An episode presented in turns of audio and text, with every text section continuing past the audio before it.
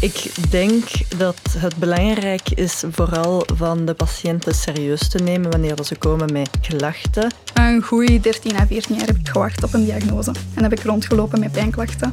70 tot 90 procent van de onverklaarde klachten komen voor bij vrouwen. Heb jij ook last van pijnlijke regels? De kans is groot dat je altijd hebt gehoord dat dat normaal is. Dat is ook waarom zo weinig vrouwen weten dat ze endometriose hebben. Maar één op de tien vrouwen krijgt deze diagnose van de dokter. En toch is er nog heel weinig over geweten. Hoe komt dat en wat kunnen we eraan doen? Daar babbel ik vandaag over met Esmeralda, Tine en Babette. Esmeralda Frederiks, hallo. Jij zit hier omdat jij zware endometriose hebt. En you're on a mission. Ja, dat klopt. Uh, ik heb zelf de ziekte en uh, omwille van dat ik zelf de ziekte heb, heb ik samen met mijn vriendin Valerie een VZ2 opgericht om anderen te helpen. Tine Klaas, jij bent onderzoeker aan de KU Leuven. Waar gaat jouw onderzoek precies over?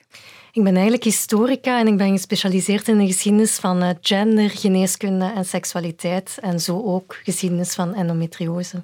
Geknipte profiel om hier dan ook over te praten. En dan uiteraard Babette Jaime Moens. Hallo, jij bent gynaecologe. Kunnen we ook niet missen aan tafel. Stel jij vaak de diagnose van endometriose vast bij jouw patiënten? Regelmatig, uiteraard, omdat het wel een pathologie is die we tegenkomen in een dagdagelijkse gynaecologische praktijk. We gaan het vandaag hebben over endometriose, maar ik wil ook weten hoe het komt dat er nog steeds zo weinig gekend is over het vrouwenlichaam. Krijgen vrouwen dan minder aandacht in de wetenschap? Dat hoor je in deze aflevering van Snapt je mij nu? Een podcast waarin ik, Aurélie Boffet, met jullie in gesprek ga over de dingen waar we van wakker liggen. Welkom.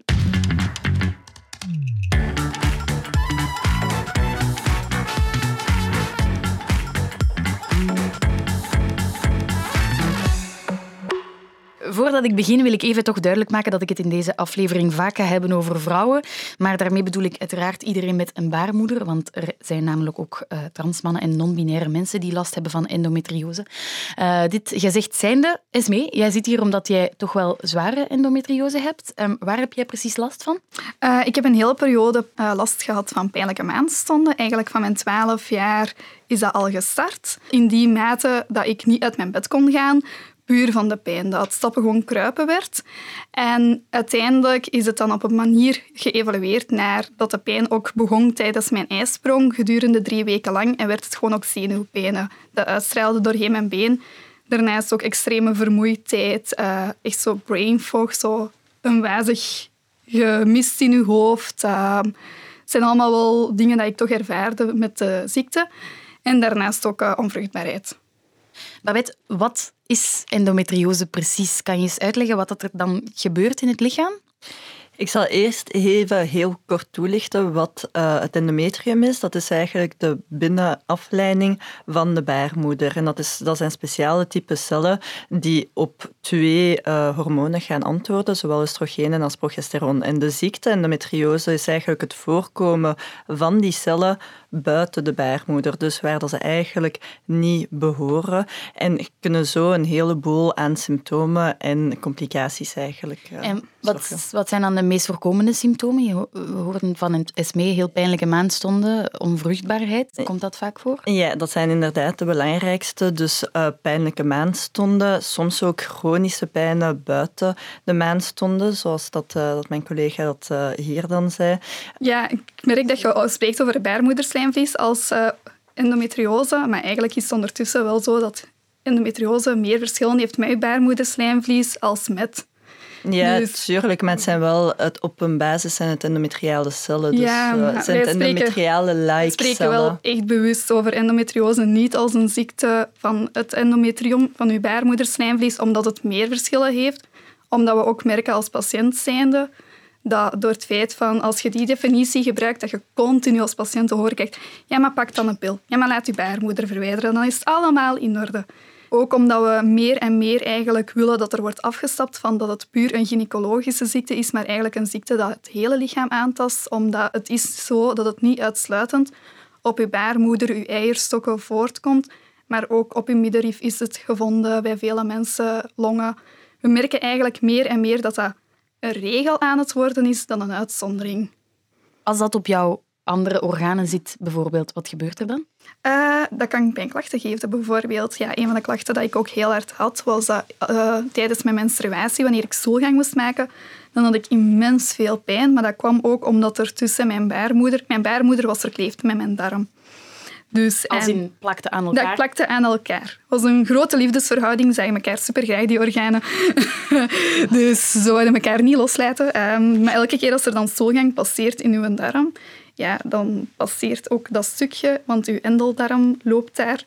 En ja, dat drukte daarop en dat deed superveel pijn. Hoeveel vrouwen hebben er last van? Want ik zie overal het cijfer 1 op de 10 vrouwen, maar wel gelezen dat dat misschien een onderschatting zou zijn, dat het waarschijnlijk nog meer vrouwen zouden zijn. Dus nu gaan we ervan uit ongeveer 10% Maar inderdaad, zoals ik denk dat we er straks ook over zullen praten, met een diagnose dat moeilijk te stellen zijn, weten we nooit of dat we echt op een exact cijfer zijn of dat we nog op een onderschatting zijn. Mhm. En is, is dat gevaarlijk? Wat zijn de concrete gevolgen voor jouw lichaam? Ik hoorde al onvruchtbaarheid. Zijn er nog gevaren aan endometriose? Endometriose kan heel verschillend zijn van één patiënt op de andere en kan daardoor soms gevaarlijk zijn. Sommige vormen niet per se. Dus het is niet omdat je endometriose hebt dat het sowieso een gevaar zal stellen voor in je later leven, maar het kan soms wel gebeuren, inderdaad, afhankelijk van op welke organen het zich gaat bevestigen en hoe hard het zich gaat ontwikkelen. Mhm, mhm. Is het dan ook zo dat, dat uh, mensen die heel weinig symptomen hebben, dat dat dan ook een heel lichte vorm van endometriose is? Absoluut niet. Niet? Nee, absoluut niet. We hebben patiënten die eigenlijk een heel diep endometriose hebben en die als eerste klachten niet de typische endometrioseklachten gaan hebben, maar klachten die gaan ontstaan door de invloed dat endometriose gaat hebben op andere organen op een stadium maar dat al eigenlijk al verder gevorderd is. Tine, jij ehm, bent dus inderdaad historica. Jij hebt ook onderzoek gedaan naar uh, endometriose. Hoe lang kennen we die ziekte al? Meestal um, wordt de ontdekking van endometriose toegeschreven aan een Canadese gynaecoloog, John Sampson. En die heeft die ziekte beschreven in 1921. 21? Ja, maar waarschijnlijk is endometriose nog veel ouder. Want ja, beschrijvingen van extreme pijnen bij menstruatie hebben we al uit de antieke geneeskunde, dus uit de oudheid. En er zijn ook veel historici die eigenlijk denken dat gevalstudies van hysterie van vroeger ook in sommige gevallen misschien endometriose waren.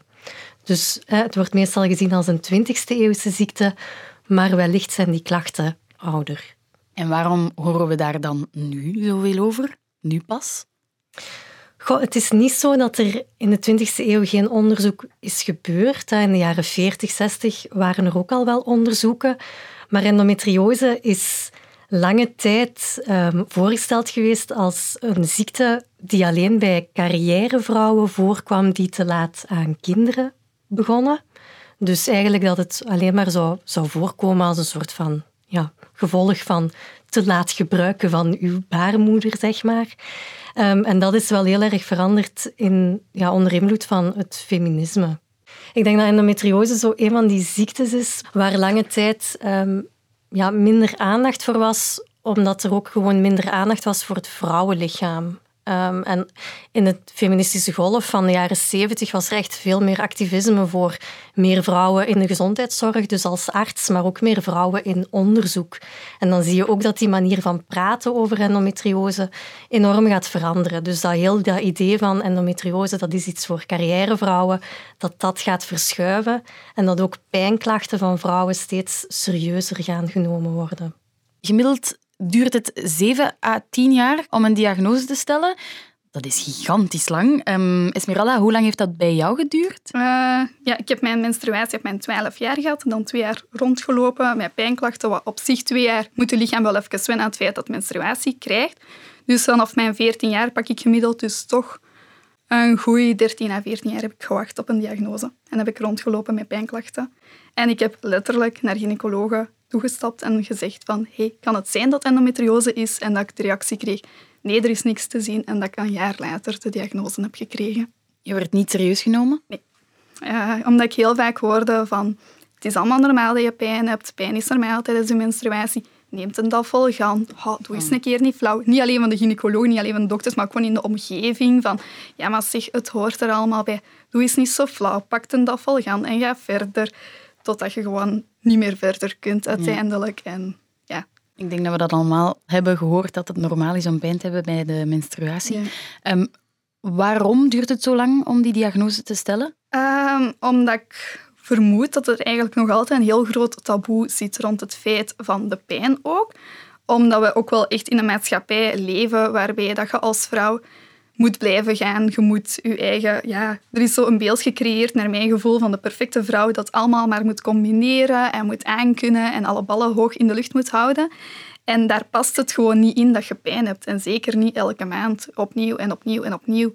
Waardoor dat je daar zelf ook als persoon je een stukje voor schaamt. Want oei, bij de meeste mensen gaat dat feilloos en bij mij doet dat pijn. Klopt dat wel? Dus je begint je eigen lichaam in vraag te stellen van ligt het wel aan mij, maar zit het ook niet tussen mijn oren? Omdat als je dan naar een dokter gaat bijvoorbeeld en je krijgt te horen van het is normaal of we vinden niks, dan begint je te denken, ja, het zit tussen mijn oren, ik ben zot aan het worden, als het ware. Babette, ehm, jij bent gynaecoloog, dus je zal daar waarschijnlijk wel een antwoord op hebben. Hoe kan je het precies opsporen? Dus we kunnen gewoon al door het onderzoek, dus al door de symptomen die de patiënt gaat beschrijven, kunnen we al een idee hebben, een vermoeden. Als dat suggestief is voor endometriose, dat is altijd de eerste stap sowieso bij een, eh, een consultatie. Nadien kunnen we soms tekens hebben op een transvaginale echografie, wat dat wel een onderzoek is die we makkelijk gaan doen bij een gynaecologisch onderzoek, omdat we dat vaak bij de hand hebben. Dus gewoon een echo. Ja, soms kan er bijkomend een, uh, een MRI-scan aangevraagd worden. Dat kan soms tekens tonen van endometriose die we niet op een gewone echo kunnen zien. Maar de uiteindelijke diagnose wordt eigenlijk echt gesteld bij een laparoscopie, dus te zeggen een kijkoperatie, waar dat we in de buik gaan kijken en gaan zien of we letsels zien. En ideaal eigenlijk een fragment gaan nemen van die letsels om die te laten analyseren. Ja, dus dat is eigenlijk, die, die kijkoperatie is de enige manier waarop waarmee het zeker kan zijn. Waar dat we 100% ja. zeker mee kunnen zijn, maar dat is natuurlijk wel een invasief onderzoek. Hè. Dat doe je niet snel. Elk invasief onderzoek heeft, brengt risico's met mm -hmm. zich mee. En dus we gaan altijd stap voor stap en we gaan nooit als eerste een invasief onderzoek mm -hmm. voorstellen, mm -hmm. omdat het gewoon mogelijkheden geeft tot complicaties dat ja. andere simpelder onderzoeken, om het zo ja. te zeggen, niet geven.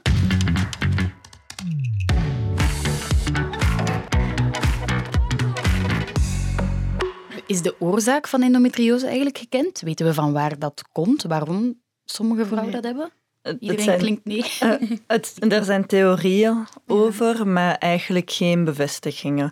Um, de meest aangenomen theorie historisch was eigenlijk dat er gedacht werd dat dat kwam door retrograde bloeding. Dus dat bij de menstruatie uh, er bloed vanuit de, de eileiders naar de baarmoederholte gingen. Maar we weten nu dat dat bijna zeker niet als enige oorzaak kan teruggevonden worden van endometriose, mm -hmm. omdat we het ook vinden bij patiënten die net na het beginnen van de maand stonden eigenlijk die symptomen hebben. En dus dat klopt eigenlijk -hmm. dan niet hè, met die theorie. -hmm. En voor de rest is het nog gissen? Gissen, ja. ja. Aangezien dat er zo weinig over geweten is, over de oorzaak, is het, hoor ik, ook wel heel moeilijk om oplossingen aan te reiken. De populairste oplossing die wordt aangereikt is de pil momenteel, mm. um, wat niet optimaal is voor iedereen. Ik kreeg een spraakbericht van Hannelore, die uh, eigenlijk hormoonvrij wilde zijn. Er werd me eigenlijk als een heel gemakkelijke, snelle oplossing aangeraden om gewoon altijd je pil door te nemen en nooit meer je regels te hebben. En dan is het daarmee wel opgelost. Maar zelf wou ik veel liever geen hormonale anticonceptie meer nemen. Maar als ik daar dan mee naar mijn gynaecoloog ging, was dat niet echt een optie. Dat werd u heel sterk afgeraden. En er werden ook niet echt andere oplossingen aangeboden om die endometriose op te lossen of onder controle te houden. Babette, als gynaecologe, wat zeg jij tegen iemand die met endometriose afkomt? Um, welke oplossingen zijn er nu? Dus inderdaad, vaak wordt de pil eigenlijk voorgesteld um, en vooral een continue inname om dan de maandstonden niet te laten doorkomen. Dat is een, uh, een, een, medicatie die we vaak gebruiken, die door veel patiënten gebruikt wordt en die we ook goed kennen.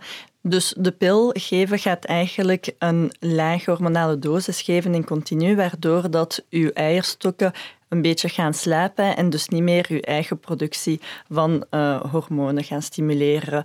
En door dat te vermijden, vermijden we eigenlijk dat de cellen van de endometriose daardoor minder actief Ja. gaan zijn.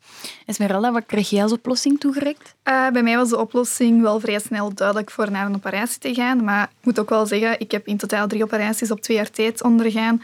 Omdat ik na mijn eerste operatie niet pijnvrij was. Dus ben ik wel voor een second opinie gegaan in een ander ziekenhuis. En daar op korte tijd twee operaties moeten ondergaan.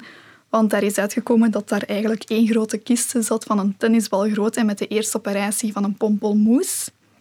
Ja, dus Wow. ja, dus dat verklaarde ook wel waarom dat mijn pijn geëvolueerd was naar 21 dagen, als het ware, op een maand. Met continu zenuwpijn in mijn been uitstralend. Maar Ja. hoe leef je zo? Ik heb toen dat ik die pijn continu uitstralend kreeg, ben ik op een bepaald moment naar mijn huisarts gegaan en ik heb gezegd van wij gaan nu samen zitten en wij gaan samen een pijnbeleid opstarten met pijnmedicatie. En dan heb ik vorig jaar in mei mijn laatste operatie gehad. Dan hebben ze eigenlijk gezien dat dat één grote ja, kluwen was van littekenweefsel met endometrioseweefsel. En hebben ze dat echt liggen weghalen en wegschrijpen totdat ze eigenlijk de bodem van mijn eierstok zagen. Dus die is niks niet meer waard. En hebben ze die verwijderd. Ook een stuk darm hebben ze moeten verwijderen, dus vrij veel pijn. Dan uiteindelijk verder gegaan onder anticonceptie, onder de pil. En nu gaat het goed met Ja. jou? Tussen aanhalingstekens? Ja, toch wel. Ja? Ik heb veel meer levenskwaliteit eigenlijk. Sinds die laatste operatie heb ik mijn leven teruggekregen.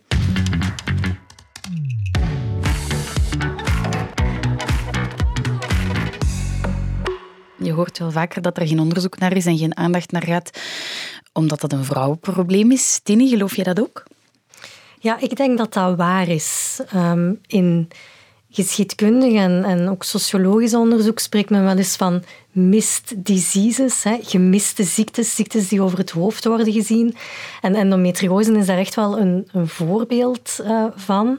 En die ja, gemiste ziektes zijn meestal ziektes die vooral bij vrouwen voorkomen. Dus andere voorbeelden zijn vaginisme, migraine. Hè? Dus met hoofdpijnklachten komt ook vooral voor bij vrouwen. Is dat zo? En dat is ook zo'n ziekte waar men eigenlijk nog niet zo heel veel over weet en ook niet zo goed weet hoe dat je dat nu best behandelt. Wat er ook heel veel voorkomt. Ja, niet? absoluut. Maar ik denk in het algemeen worden vrouwenlichamen nog zo wat vaker afgeschilderd als mysterieus. Hè? Zo ziektes waar we de oorzaak nog niet helemaal van weten, zoals endometriose, dat zijn meestal ehm, vrouwenziektes. Ik vind een, een chockerende statistiek daarbij is dat eh 70 tot 90 procent van de onverklaarde klachten komen voor bij vrouwen.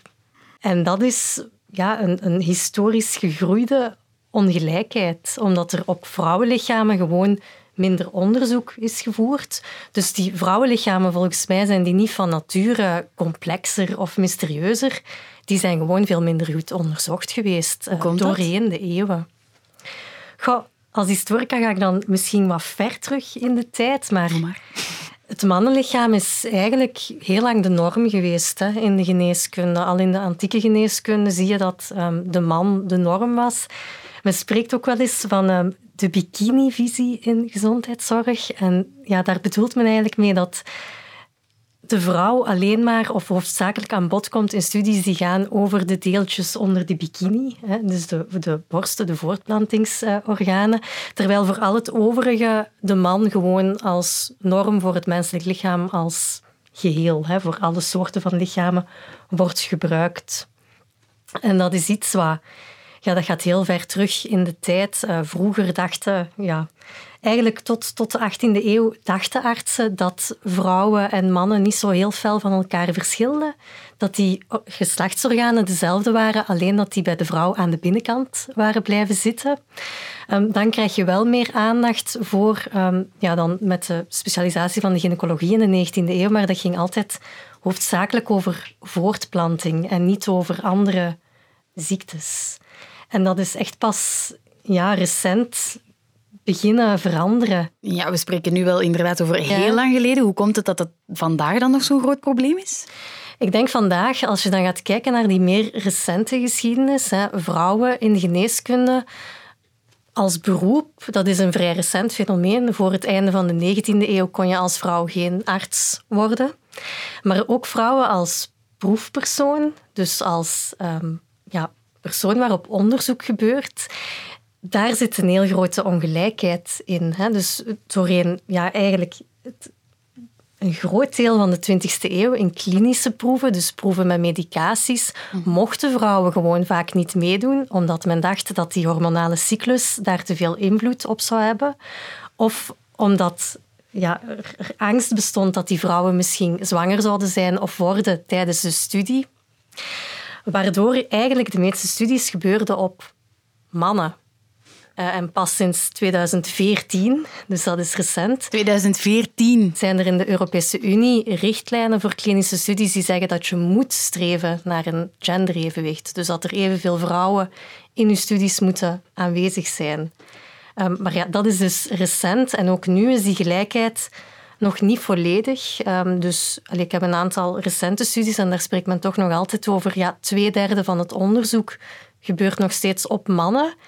En dat is, allee, soms wordt dat zelfs een beetje allee, op, een, op een tragische manier grappig, want ook bij proefdieren wordt er meer onderzoek gedaan op mannelijke proefdieren dan op vrouwelijke proefdieren. Dus heel dat idee van de man als norm, daar zit zeker verbetering in. Ik wil niet zeggen dat er vandaag helemaal geen onderzoek gebeurt op vrouwen, dat is niet waar. Maar je hebt wel een heel grote ongelijkheid die dat ook historisch um, ja, gegroeid is, die eeuwenlang teruggaat in de tijd. En wat zijn dan de gevolgen voor vrouwen als medicijnen allemaal getest worden op mannen?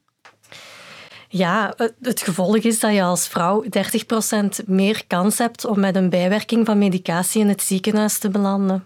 En is er nog sprake van andere discriminatie in de geneeskunde? Want we hebben het nu over man en vrouw, maar ik kan mij wel inbeelden, ik hoorde ook dat bij dermatologie dat dat wel een probleem is bij mensen van kleur, dat je ja, dat is ook, zo. Nu, dat, is, dat is ethisch heel moeilijk, omdat er ook wel voor goede redenen eigenlijk is beslist geweest onder onderzoekers dat ras geen biologische categorie is. Hè. Dus als je dan studies wilt voeren waarin dat je afkomst meeneemt of kleur, ja, dan moet daar wel een heel goede reden voor zijn, want anders ga je misschien weer net allee, een, een rasdenken in de hand werken. Ehm, maar het is wel zo dat ook ehm, ja, in de dermatologie er veel meer kennis is over de uiting van allergieën op witte huid dan op mhm. ja, mhm. donkerdere huid. Wat moet er dan nu nog gebeuren om daar echt een omschakeling in te hebben? Voor ja, meer onderzoek, denk ik. Dus ook naar die gemiste ziektes, ook naar, naar vrouwenziektes of uh, ziektes die ja, voorkomen bij meer diverse uh, groepen van patiënten. Mhm. En ik denk ook ja, aandacht in de opleidingen.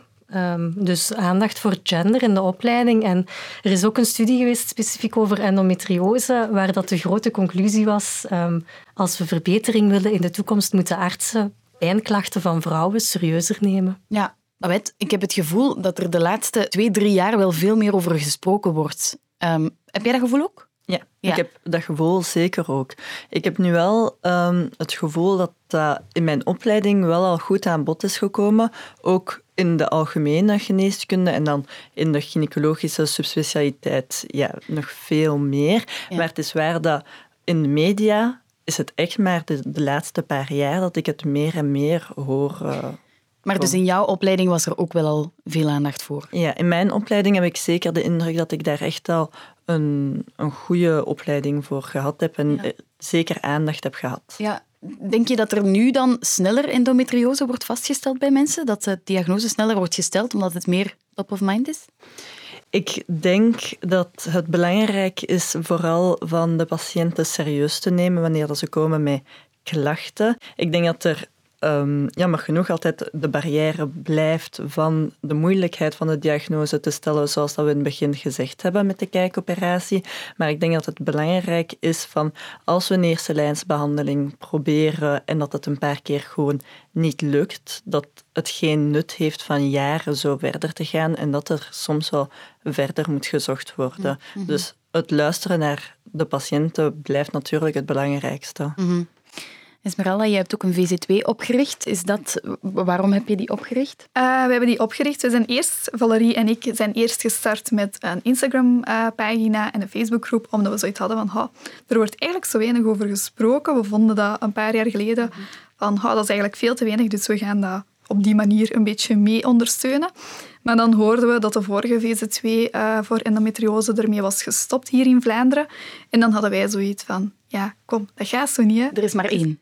Uh, in Vlaanderen. Je hebt in Wallonië heb je ook eentje. Uh, dus wij, Behind Endo Stories, zijn de VZ2 dat hier in Vlaanderen heel actief is.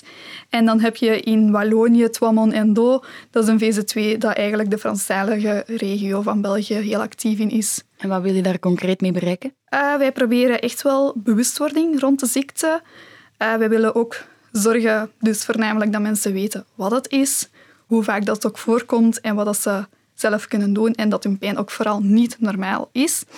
Daarnaast willen wij ook een luisterend oor zijn voor de mensen, voor de patiënten, maar ook voor hun familie. Want het is niet enkel de patiënt zelf dat het treft, maar het is ook heel de familie, de partner, de ouders, iedereen eigenlijk. Het werk heeft er ook een hele grote invloed op.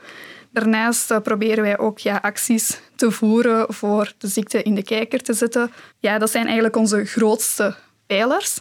Nu, op vlak van die klachten, we hebben ook met de VZ2 een checklist ontworpen, een vrij uitgebreide checklist dat patiënten kunnen meenemen als ze vermoeden van oh, die pijnklachten, ja, ik heb het hier, ik wil naar de dokter gaan, maar ik wil een extra ondersteuning en ook voor ook serieuzer genomen te worden.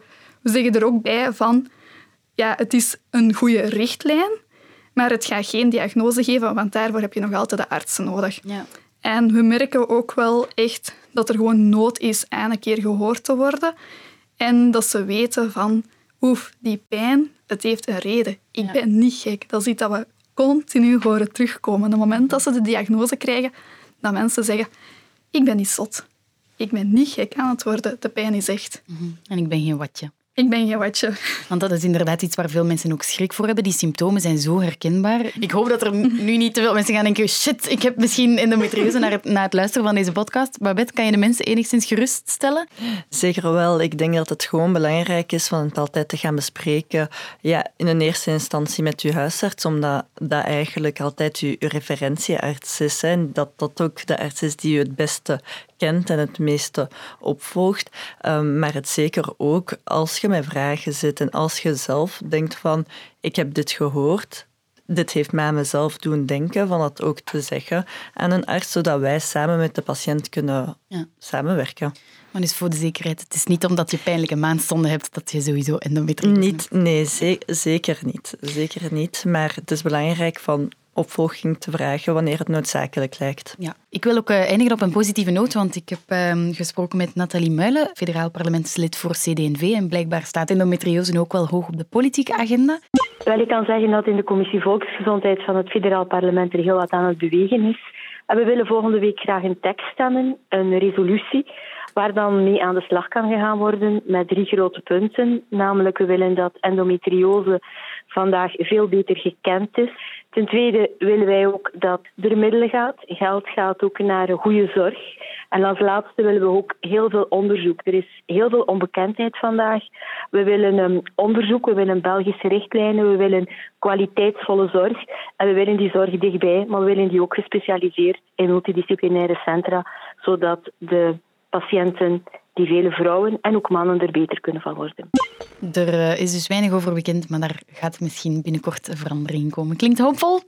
Zeker. Jullie allemaal We zijn eh, er al even ook mee bezig. We proberen met de VZ2 hebben we er ook al aan meegewerkt. Voor uh, de duidelijkheid, jouw VZ2 was Behind Endo Stories. Dus als er iemand met hun verhaal naar jullie terecht moet, uh, gaat dat via Instagram. Ja, en via onze website, via behindendo.be. Oké, dank jullie wel om jullie verhaal te delen en uh, om uh, dit onderwerp te komen toelichten. Tine, Babette en Esmeralda, merci. Dankjewel. Waar probeer jij jouw vrienden van te overtuigen? Waar lig jij s'nachts van wakker? Stuur me al jouw ideeën door via de Instagram-pagina van VRT Nieuws of stuur me een berichtje op Twitter via Aurélie-Boffé. En misschien ben jij wel te gast in mijn volgende aflevering.